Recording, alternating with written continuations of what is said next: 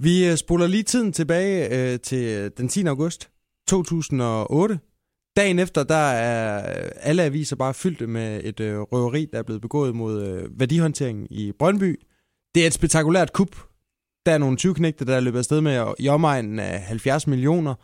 Der er involveret 10 skraldebiler, partisanersøm og, og bevæbnede maskerede herrer, der så slap uh, godt fra det her kup i første omgang, og vi har en af bagmændene med. Han hedder Steffen. Steffen Andersen. Godmorgen. Godmorgen. Der er lige kommet den her bog på uh, gaden, den hedder Røver, og der er du hovedpersonen og fortæller om uh, Danmarks historiens uh, største kup. Ja. Og, uh, og hele din uh, historie dertil og efterfølgende. Øhm, det var et fuldstændig spektakulært kup. Kan du ikke huske det, Anders? Helt vildt. Og man sad og tænkte, hvor er de penge? Hvor er de penge? Kan vide, mm. det må være et sted. Og vi er nok ikke de eneste, der har tænkt det der tanker, Steffen. Men i, i første omgang, hvordan planlægger man sådan et kup? Man starter med at se bygningen med penge i. Altså, det gjorde vi i hvert fald. Ikke? Og så tænkte vi, om de penge skal vi have. Og I bruger cirka halvandet år på at overvåge den her værdihåndtering og blive altså, klogere på deres infrastruktur? Ja, altså, det altså, starter to år, ikke? For jeg møder franskmanden, og så derfra, og så stille og roligt starter lidt mere. Skal vi ned igennem loftet? Skal vi tage en pengetransportmand og gå ind, eller hvad gør vi? Ikke? Og det, det ender så med, at vi finder ud af, at vi skal igennem muren. Og øh, I Men, finder en øh, gummiged til det formål? Ja, bulldozer der. Ja, altså nabofirmaet Milton, der, der var jo en kæmpe reolsystem og sådan nogle ting der, og, og det skulle fjernes først. Det tog også lidt tid. Så I tog ind og brød ind hos nabovirksomheden for at fjerne en metalreol, så I kunne komme igennem væggen? Ja. Jeg tænker bare, i hele den her planlægningsproces, er man ikke enormt paranoid? Imens man er i gang med det der planlægning, at man skal ikke blive opdaget. Fordi bliver du opdaget, jamen, så kan vi ikke lave det. Så ja. er det jo ligesom slut, så, så, så jeg vil ikke sige, at man er paranoid, men man er forsigtig. Og så øh, bliver det her kup altså sådan minutiøst øh, planlagt, og I involverer sådan i omegnen øh, lidt over 20 personer? Ja. Hvordan får man 20 mennesker til at holde tæt med den slags her? Ja, det, det, altså, det er også svært jo, men det er jo at finde øh, folk, øh, der er lojale jo. Øh, først og fremmest, og det er jo ikke bare noget, man lige gør. Det tager også tid. Og det er jo også det der med, at det tager to år. Ikke? I løbet af de her to år, så har man haft det ene hold, det andet hold, og den ene mand, den tredje mand, og så er der gået nogen fra, og så er der nogen, der ikke har troet på det, og så videre, og så videre. Og til sidst har man så et samlet hold, fordi vi vidste godt, at vi kunne ikke få de penge, hvis vi ikke havde et hold øh, til at og ligesom lukke politiet ude for os af, så vi kunne arbejde i fred og ro. Hvad var det, I gjorde for at lukke politiet ud? Men det var det der med skraldebiler rundt omkring på motorvejen og søm og, og politistationer og så videre, ikke? Og så var I også øh, svært bevæbnet? Svært bevæbnet, ja. Det blev vi næsten nødt til at være, for vi vidste godt, at fordi Lumusrøvet var der jo lige fire måneder før, der gik det rigtig op for os, okay, nu bliver det svært.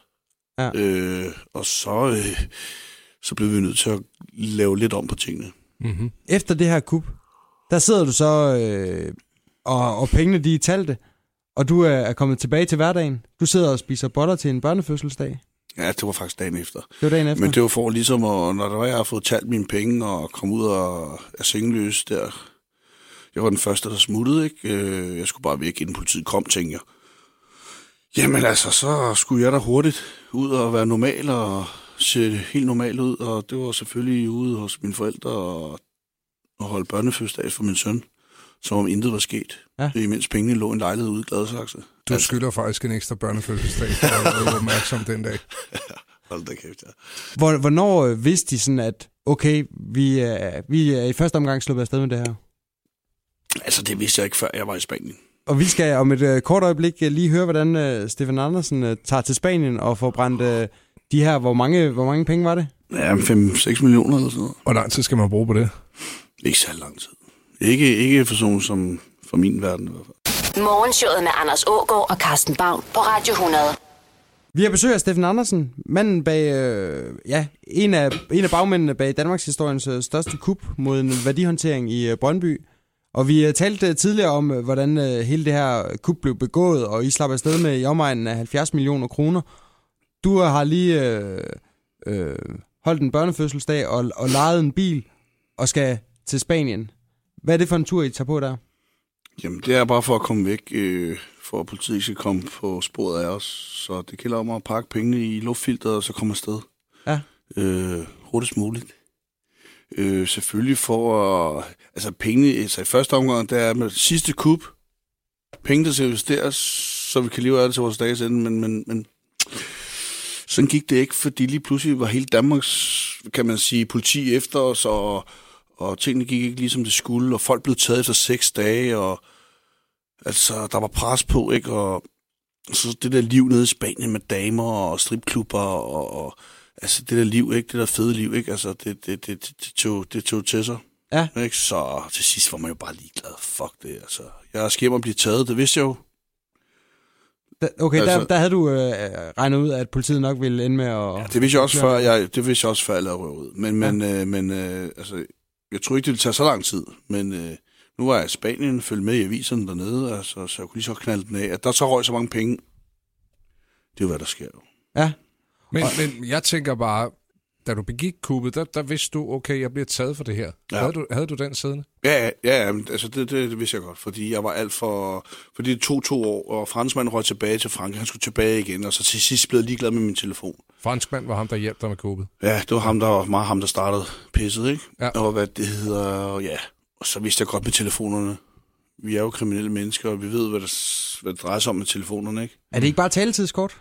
Nej, det, de gør det over satellit, ikke? Du skal ikke tænde den derhjemme, du skal ikke stoppe med den derhjemme, og så videre, så videre. Altså, jeg har boet i farrum og, og tændt og slukket den der, så kan det være, at jeg har været bedre stillet. Men altså, jeg er glad for, at det er der, er blevet taget.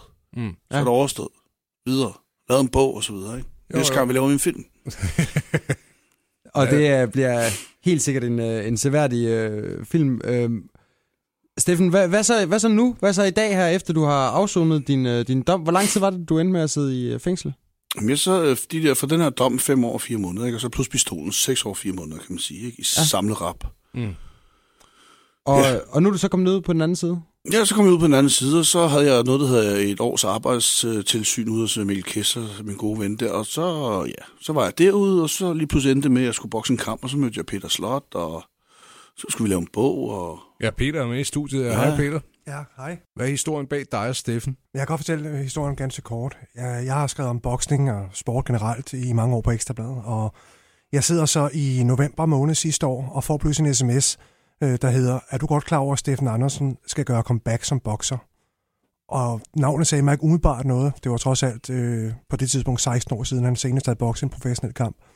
Jeg googler lige Steffen Andersen bokser. De første 500 artikler, der dukker op på Google, det handler om Steffen Andersen, bokseren, som begik Danmarks historiens største røveri.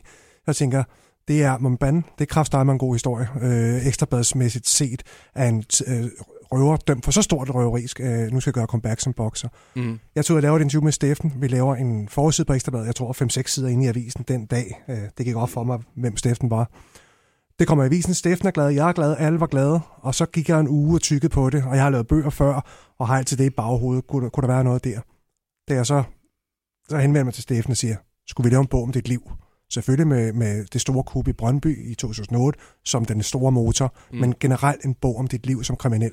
Det var Steffen frisk på, og derfor så sidder vi her. Så nej, jeg havde ikke umiddelbart hørt om ham før. Mm. Og det er det, man kan kalde en øh, uh, page-turner, et, øh, uh, et, et spændende liv, må man sige, hvor, med en hård opvækst og en uh, hurtig, tidlig kriminel uh, løbebane. Øhm, og, og du har også, også uh, som du siger, det, det her, den her tidlige boksekarriere. Øh, boksning, hvad betød det for dig øh, dengang? Hvor, og hvorfor var det ikke nok til ligesom, at holde dig ude af kriminaliteten? Altså, dengang jeg startede til boksen i 89, jamen, der startede jo, fordi at jeg var en lille hissig dreng og skulle af med nogle aggressioner, ikke? Og så lige pludselig havde jeg talent for det, og så tænkte jeg, jamen altså, jeg skal være verdensmester en dag. Og så, jamen, så blev jeg bare ved, passede min træning derud og derud, og lærte en masse disciplin op i bokseklubben, mødte nogle gode kammerater og så videre. Øh, så i dag betyder boksen alt for mig. Det er jo, det er jo halvdelen af mit liv. Ikke? Ja. Øh, samtidig med, der var jeg jo, kan man sige, en dreng med mange drengestreger, som udviklede sig til noget endnu større. Ja. Så det fortsatte jo bare. Så på den ene Øh. side, der var det sådan en uh, disciplineret uh, træning i, øh, i uh, bokseringen, og så samtidig uh, drengestreger og, og, og sådan... Gadedrengen ved siden Ja. af, ikke? som, som øh, lærte af de ældre, og det udviklede sig og så videre. Og nu kan du også uh, skrive en uh, bog på CV'et. Ja. Hvad er du kommet ud, helt ud af kriminalitet nu? Ja, det er jeg. Der er, jeg er ikke kriminel mere, og det er fortid for mig. Jeg er færdig. Den dag, jeg blev taget for det store røveri der vidste jeg, at det var slut. fordi at jeg er 37, skal jeg tage en dom på 10-15 år, jamen så er jeg 60, når jeg kommer ud, og jeg har en familie derhjemme, jeg ikke kan svigte mere, og jeg gider sgu ikke sidde derinde mere. Øh. Øh. Så de penge skulle ikke det være med. Du skriver et sted i bogen, at øh, du stadig har sådan en arbejdsskade, hvor du ser pengetransporter i bybilledet, Ja, hele tiden. og, øh, og ikke kan besøge en bank uden lige at tjekke sikkerheden. Ja, præcis. Det er, det er meget sjovt, ja. Øh, og, men altså, derfor så begynde at handle, det, det gør vi ikke. Hvad så? Kan du, øh, kan du leve uden det her adrenalinsus? Men jeg har aldrig gjort det for adrenalin. Nej. Jeg har gjort det for pengene og for overlevelse. Ikke en skid af det. Adrenalin, det siger mig ikke en skid. Vi andre kan ikke høre en plade uden at prøve at time den, lige inden de begynder at synge. Og det vil vi forsøge nu. Steffen, tusind tak, fordi du kiggede forbi. Røver er i øh, handlen nu. Ja. En dejlig bog. Køb den før din nabo. Tak.